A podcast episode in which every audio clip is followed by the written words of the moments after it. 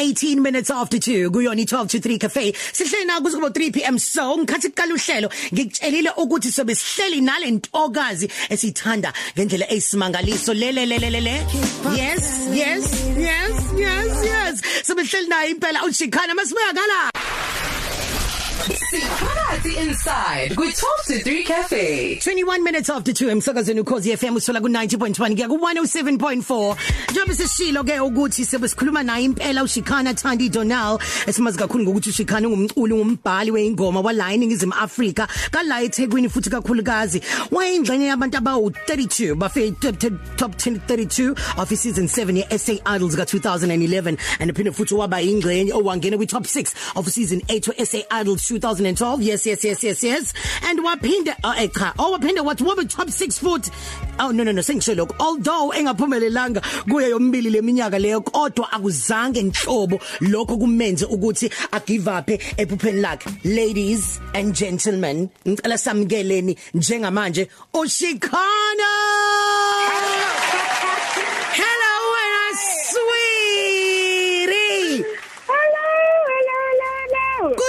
Babes Ukhosi FM before. ever ever impilweni yakho Ever, ever. So thank you, thank you. Oh my thank gosh, you. I think the studio audience ding ukuthi shay mhlambe futhi once again.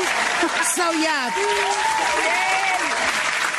So kahle kahle 12 to 3 cafe or noma 12 to 3 cafe the lunchtime show. Singasho ukuthi i break ile leyo virginity yokuthi wena ukwazi ukuthi ungene emsakazweni ukhozi FM how nice we like it. Yay. so um Shikhana man uh, umuntu uqala kuphi ngawe? I mean usuwenza izinto eziningi. Um um, um ngo 2016 sabona ingoma zakhe ezu 3 uh ku album yakho uh back to the beach let you know and then futhi wa featuration na ku Black Coffee ingoma yakhe ethi your eyes. Uh, uh, uh um sayibona futhi ingoma back to the beach nominated kuma Metro FM Music Awards. Na kuma South African Music Awards. Waphinda wawina isama futhi female artist of the year. Man umuntu ungaqala kuphi na? Awusitshele ngawo Shikhana ukuthi ube ubani? Ngikhathi ekhula ebinjani upbringing? How was it? Like like like start nje usibeke sithombeni Ah, everything has been crazy, crazy, crazy, crazy. Mm-hmm. Um, it's first of all, um, I got, I came into the industry and uh, it was an absolute, you know, mistake. Yeah. Uh, no plans. Um, I was still very young. I was still in school. Um, it was amazing. I came in with Durban people, um, Kyle Date, Sketchy Bongo, A1 Wolf. Um, it was so nice to feel like everyone was wanting to know what was happening. Where are these kids from from Durban? You know, it was Yeah. so cool. We were in Joburg, we were in Cape Town, we were moving around the country, and it was just beautiful. And um, and then I, I I got the opportunity to do Your Eyes with Black Coffee. Um, I met him once. It was crazy. Um, it was a big deal. Imagine 2017, the man is just flying everywhere, and he made time to stop and have a session with me. Mm. Um, and it was a very special time for me. Um, and I think it was all super overwhelming. And then after third year, I wrote uh, Rose Gold, and that was crazy. And then I just finished college. I just graduated in Joburg. Nice. Um, live performance. So I haven't been home for so long. You know, I think I'm, What? I miss home. I think I want to come home. so when was the last time you were home Uh, I'm always home. I was home last weekend, but I haven't lived in Durban. You know, like Yes. there's so much that has happened. The highway by Gateway. What's going on? Yes Durban? baby it's a new thing when ungayazi highway edge a babe girl welcome I get lost, man. I take the wrong ramp. Um, but it's been beautiful, and Yeah. I, and you know what? I just want to say thank you. Nice, nice. Yeah. Um, ngifuna singenelana Shikena. This is what I want us to talk about because we're going to talk about that a bit later when you say that uh, these Durban kids, when you started invading the country, the, the likes of uh, big cities of jo- uh, of Johannesburg, Cape Town, Wena, Kaldage, and and and Sketchy Bongo. We, we're going to talk about that a little later on. Uh, I want to know your experience on Idols. How did that Yes. help shape your music career? I mean, you went on season 12. I mean, season seven. Uh, you in top 32, did not make it. You went back, you were in top six, you did not make it. How was that? How did that help shape your career? Kukusize kanjani ukuthi wena i-career yakhe ibumbeke indlela lento eyiyona namhlanje? it helped me see what I want to do Mm. because you don't win, um, and the winner gets you know a car, a, um, a contract with a record label, um, the, a, a music video, and I think coming from you know small town in Durban, you you don't know what you want, Yes. and going to Idols, I was able to see what I want, and that's why I'm forever grateful. You know. I'm forever grateful to idols because I wouldn't have been able to dream and understand what I actually wanted to do with singing if I didn't do idols. So not making it is always the best. You know, when doors close, it's always the best Oh, thing yes. for you Yeah, because yeah. it's important for you to to to not give up. And idols really taught me that. It gave me perseverance. And it also just allowed me to dream, man. Yeah. So yeah. Yeah, nice. Um, I, I, let, let's look at the support at home. At that time, you were on Idols. Um, you busy going to auditions, standing in long queues, and and you have to come back the next day and things like that. And then you make it to the car. How was the support back at home? Ekhaya kwakunjani? Um, um, yayikhona support akhona abantu ekhaya babe who were behind your back abebethi qhubeka mntanami you can do this. Yes, asiqhubekeni. Uh, my sister and um, her boyfriend took me to my first audition. At 5 a.m., they woke me up and I told them, no, I don't want to do it. I don't think I can do it. Yeah. And they were like, we're already awake. We're going to sit with you the whole day. Don't worry, you won't be alone. They went with me. And I think ever since that day, you know, even now today, my everything that we do, my festival, my business, everything is run and supported by my family. And I couldn't have done anything without my family. I think it's so important for, you know, parents that are listening to support their children's dreams because they will go so much further knowing that you are there as a support system behind them. So I was lucky enough to have my sister, my Nice. dad, my brother, Yeah. everyone supporting me. Um, yeah, I had a lot of support. Nice. And now, when did it first hit you? I mean, when did the calling come um, that this is what you wanted to do? You wanted to be into the music space. Um, um, um, did you even understand? Did you even think that it was actually going to be a career, or you were just thinking, "Why thinking it's going to be a hobby just for me?" Because I do know back in the day when we were in school, if you wanted to get into entertainment, our teachers would tell us a lot about, "Hey, this is a ho- hobby. Have something to fall back on." Like, when did it really hit you? Wabona ukuthi lento le eyami ngizokwazi ukuthi ngiyenze ngifuna ukucula one day. You know what's so beautiful is that Durban is so small. There's the Snedden Theatre at, uh, at um, Howard College. Um, I ended up auditioning for young Rainbow Young young performers. So beautiful because you know other people. Zanda Sakuza was there. That's where I met Zanda. That's where I met Nice. Kaya Mtetwa. That's where I, I knew of Minnie Dlamini. Oh man, had- all these great all- people. Yes, we had all done. We had all done Rainbow Young performance, and you know, you get into a space of other youngsters in Durban that also that also dream like you, and then you realize that you're not alone, and you're not the only person that believes that being in the arts is something you want to do as a career. So being around all those people uh, really was inspiring. So I'm so grateful for the Snedden Theatre there at UKZN back in the day. I don't know what it is today, but back in the day, it was a place of support and Yeah. culture um, for kids in Durban that had big dreams. So Man. I was surrounded by cool kids. We wanted big things, and look what everyone's done. Yeah. You know. Yeah, yeah. Um, now let's talk about you. You did mention about, about the fact that you and Kel Dage and and Sketchy Bongo wanted to take over the music scene back in the days, and then you guys went to Cape Town, went to Durban, to all these big By cities. mistake. You know, and and you guys are doing it right now. I mean, you guys did take over. I remember there was a time whereby we were playing ninety percent of music here at the SABC, and and Five Yes. FM. I remember Five FM was playing only Sketchy Bongo. I was like, oh my god, so Sketchy Bongo just on repeat. You know, it was it, it was absolutely amazing. So, did you guys ever like what is what the music industry is now? Was it something that you guys uh, uh, always imagined it was going to be? So, like you know, like is is, is, is it No. some? Yeah, what is it? You know.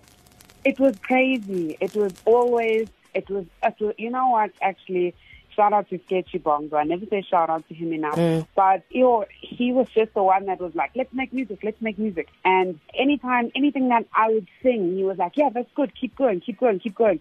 And from then onwards, he's like, we're going to release this. We're going to Yeah. release this. I'm going to speak to, I'm going to speak to uh, 5FM and we're going to do a, a, a Durban Wolfpack week. Every day of the week, we're releasing a new song from Durban, from Wolfpack. And I think, you know, you go further when you go together. Yes. And, yes. and that's what happened with us. We went together. We went to, as we went as a unit, Nice. and just like that, it was it, it was easier for people to to see all of us together. Mm. We ended up doing shows in Cape Town, everywhere. Oh, I mean. I've done shows everywhere, and I mean, it all started off in Durban, Yeah, in, yeah. you know, in in in in wherever Westville, and we are all where we are now. Sketchy is head of TikTok now, doing crazy things. What? Like, it's just Yeah. Oh man, that I is know, amazing. It's just amazing, like, and I'm just so grateful, and I feel so blessed. Thank you for this call. You're reminding me of my blessings. Oh man, you are absolutely amazing. Listen, this is not yet over. We're still going to have the second segment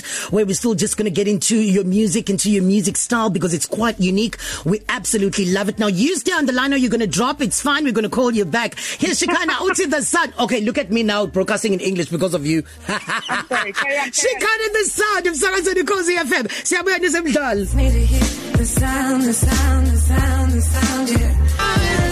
Shikana the sound ithathe kwi-album ethi Rose Fest. So ngo-2019 uShikana wavula into noma walauncha i-first edition ye-Rose Fest kuyi all female music festival la khona ibiza khona kuba abaculi besifazane kuphela bebe khona. Sebenza abantu besifazane nje khona ngoba ubuthembele ukuthini and ukholele ekuthenini abantu besifazane nabo bayadeserve ukuthi bebe le phezulu simthanda kakhulu Shikana sihleli naye ngaso sona lesi sikhathi. Sama njengamanje sakusiphama vuso nezemidlalo Arieng 1442 sandukuvulela lo msakazo kusele nje bani 18 minutes ngaphambi ukuthi siqophe lezozo ngaphambi ukuthi sitetele isisonke afternoon drive umzokolo kanye nomzo nomroza beza phakathi kwa 3 no 6 oh yes oh yes.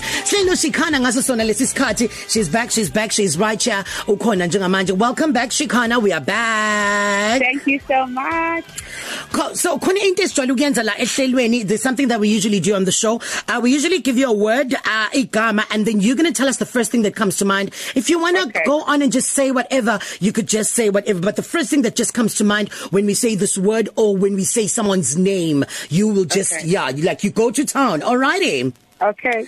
let's play this let's go um big zulu Oh, Big Zulu. I think of Jacob Zuma. Come again? I think of Jacob Zuma as soon as I have Big Zulu because I, lit- I literally I didn't know what was happening with this challenge until yesterday. all right. Rose fest. Oh, I think of Durban Coco because we're having a pop up uh, on the 20th and she's coming. Yeah. oh nice skip nendawo where is it going to be West Florida Road. We're having a road fest pop up to close off the year. Um, please come. Okay, that's it. So um abanye abantu abaningi abangayazi nge Rose Fest ngengayizama ngayichaza earlier on for those that who don't know what Rose Fest is would you mind letting us know what Rose Fest is So Rose Fest is a festival that I started last year. Um, because I've done so many shows in this country, I realized that 80% of the lineups were all men. And I wanted to do something for the ladies. Um, Yes. putting women in the forefront. Uh, and that's what Rose Fest has been. We had two festivals. We had one in Joburg on the 9th of August to celebrate Women's Day. And then on the 12th of October, we had one uh, in Durban to celebrate International Day of the Girl's Child. And Nice. really, we just have fun. It's a beautiful festival. Please go check out the Rose Fest page. Go look at the beautiful fun times we've had. We have a Ferris wheel. We have Oh, man. beautiful, beautiful things. Yeah. So iRose Fest ushikana wayisungula ngenxa yokuthi ebona ukuthi njalo mayekuma music festivals kuyo yonke indawo 80% wabantu hlezi kwabantu besilisa awu noma abaculi hlezi kwabaculi besilisa bafika bona bezoperform so bathi wazini amantombazane they need this because patriarchy must fall. Akiri babes. Yes. Kyle Dutch. Oh, uh, back to the beach. Back to the beach, man. Um usakhuluma nge back to the beach. Um mama ngikhathi senibona seniqala ukuyizwa the first time you heard it on radio. Where were you? I was at college. I was in college. I was in college. I was um, sitting in the parking lot with a friend, and I knew it was going to play, so I waited and waited and waited, and I heard it. And what was going on through your mind? I was just so excited to have something on radio. You know what I mean? I didn't expect anything, but it was everything. Man, nice. Um SA music industry. On top, on top of its game. Uh, I think for the first time, we are listening to like 99% local music. Yep. And that is where we need to be. And I'm not disappointed. I'm very excited about Na, that. nice. So ushikana ngimbuza nge SA music industry uthi uyayithanda kakhulu. Uh, uthi uyaqala futhi nokuza ukuthi njengamanje ngathi siyafika la ukuthi befuna la ekufunyelela ukuthi siye khona and uyeza ukuthi eh, njengamanje sebedlala 99% womculo wala eningizimu Africa okuyinto enhle leyo. It's good for the pocket, kuhle nasepha emaphaketheni uh, for bona abaculi. Uh, last one Duduzani Zuma. Ooh, Big Zulu. That's a safe answer. Simple. Simple. Oh man, thank you so much. Thank you for playing along with us. So let's Thank get into you. let's get into your music, babe. Let's get into your music because your music style is quite different. Your writing style is quite different. How is it Yes. different? And then what goes on into your mind at that time? Uh, uh what sort of emotions are there at that time when you write? And and, and why choose that uniqueness? Why?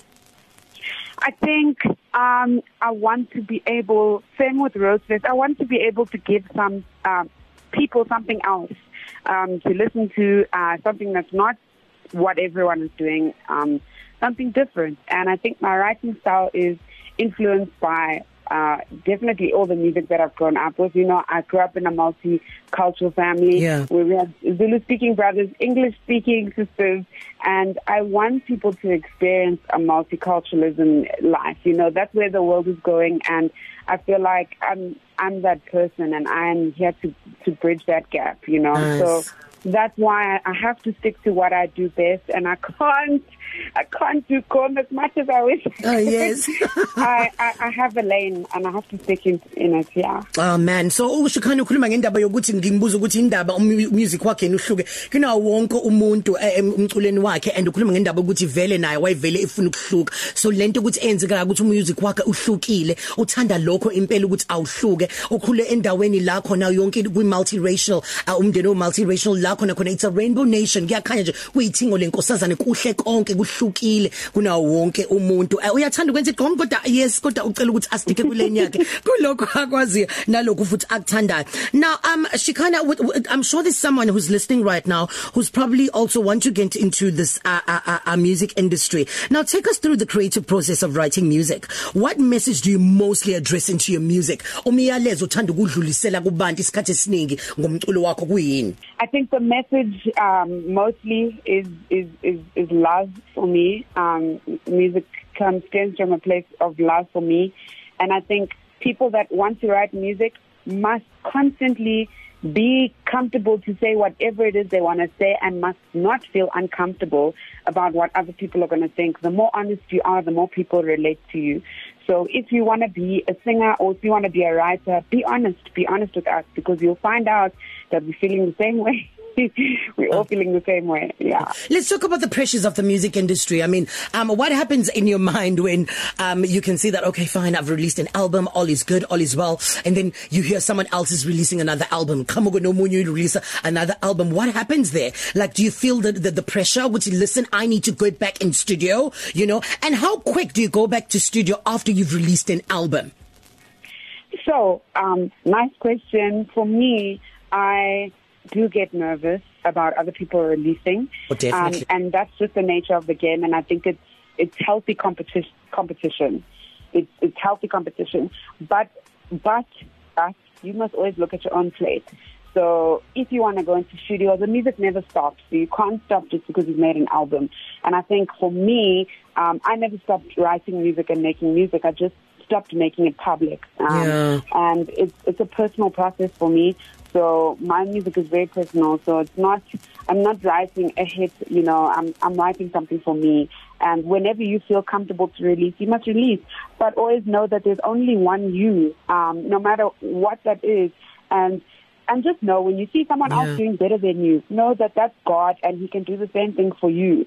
Um, and that's what keeps me going. Is seeing everyone else around me achieving. Mm. I know that, yo, God, you're doing so much for other people. I know that you can do the same for me, and Man. I'm thankful in advance. So Oh man, oh nice. that's how I feel. Yeah, so shikhana ukhuluma ngendaba la ngimbuza ukuthi ukuthi ipressure kayithola ingcindezi ebona abantu konke umuntu ekhipha ingoma mhlambe yena mayekade uqeda ukhipha album mhlambe ukhona mhlambe isidingo sokuthi agijime naye abuyele studio ahambe yobhala ungitshela ukuthi uhleze ebhala umculo uhleze engene esekhona studio noma ezinye zizongena kwialbum noma ezinye zingangeni kwialbum. Kodwa uthi uyathanda ukubona wonke umuntu futhi naye engena e- e- ekhipha ingoma zakhe zibe mnandi zazi kwiningizimu Africa yonke ngoba uyabona ukuthi uNkulunkulu wenza luhle for wonke umunye umuntu ukuthi uthi hi man isikhathi sayo leyangane leso wonke umuntu uthola yona le equal opportunity. So I, let's talk about your new album um um um Yes. um yes uh Trouble in Paradise. And let's talk about the collaboration you had you did with uh Beatty who's from Kenya Fixate how did that come about Kenya shows us a lot of love, a lot, a lot of love. Um, since the beginning of my career, before Suited, Kenya has been showing me love. And um, I am obviously always listening to Kenyan artists. Um, Mr. Easy uh, from Nigeria introduced me to an artist called Beatty. Mm. She's 21, super young girl from Kenya, and I just thought, wow, this would be so nice for me to have a song with a Kenyan artist because that's just going to send love to the people that celebrate me in Kenya.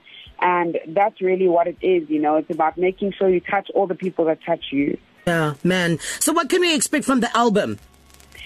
Uh, the album is very different, very emotional, um, very Ouch. raw, um, and very personal. So it may not be an album full of bangers, but it's all my truth and just things that I wanted to get off my chest. Um, so it's for the fans, really. It's not a for everyone thing. Um, and I, I'm just excited for it to come out. It's what's been happening to me for the past year, few years that I haven't been releasing music. It's a, small storyline, yeah, for everyone. Oh, so it's a storyline about your life, about your about your life, really. Yes. Yes. Nice. Nice. Okay, we cannot wait. So it's out in stores Thank now. You. Our album is available for pre-order on iTunes, um, on Apple Music, Trouble in Paradise. Please go and pre-order the album. Mm-hmm. Um, YouTube music videos dropping next week, Wednesday. Um, there's just so much stuff to consume. Make sure you just keep an eye out. nice man. I, I just want you to, to, to, to, to give a message to that young, uh, uh, somebody who's sitting right there at home, who's probably sitting and listening to the radio right now, or probably someone at work who, who also, who's from Durban, especially because you're from Durban and it's, it's, it's often very, very, it's very rare for, for a musician to make it out there if you are in Durban. I mean, like, what would you say to them who are really, really trying their best to get their music, to get their craft out there, to get themselves noticed out there? What would you say to them? I'd say I need you to continue to have faith and to carry on making music. Don't stop because you feel like your music's not getting played because people are sleeping on you. Mm. Don't let what other people, you know, other people get involved in your dreams because your dream is yours. It's got nothing to do with anyone else. Oh, yes. I want everyone who's listening um, to just carry on doing them and believing in what they believe in. I know it sounds very cliche but yeah. believe in yourself because no one else really does eh? Yeah yeah. So ushikhana ngimbuza indaba ukuthi umuntu onjengamanje ufuna ukungena kwi music industry okhona la eThekwini kuba naye usuka la eThekwini and akujwayelekile ukuthi isikhathi esiningi ukuthi ama artists aseThekwini athole udumo kangako. Kumele ukuthi aphushe kakhulu. Uthi bekezela bekezela bekezela ungalahlekeli lelo phupho lakho. Qhubeka hlala kulento wena okholelwe kuyona. Linda isikhathi sakho. Sizofika. Shikhana we love you so so much. Thank you so much. We wish you thank nothing you but so the best. much. nothing but the best Thank in the future. You, thank you, thank you. Thank you, babe. Merry Christmas. We love you. Where do you find you on social media? At Shekinah D. I'm coming to Durban on the 20th. Let us have a good time. Oh, thank you so much, babe. We love you. Here's Shekinah Wambisana, no Beatty. But if it said, bye, Shekinah. Bye, babe. Twelve to three cafe. Nintendo Gazi yako. Usa Beyonce.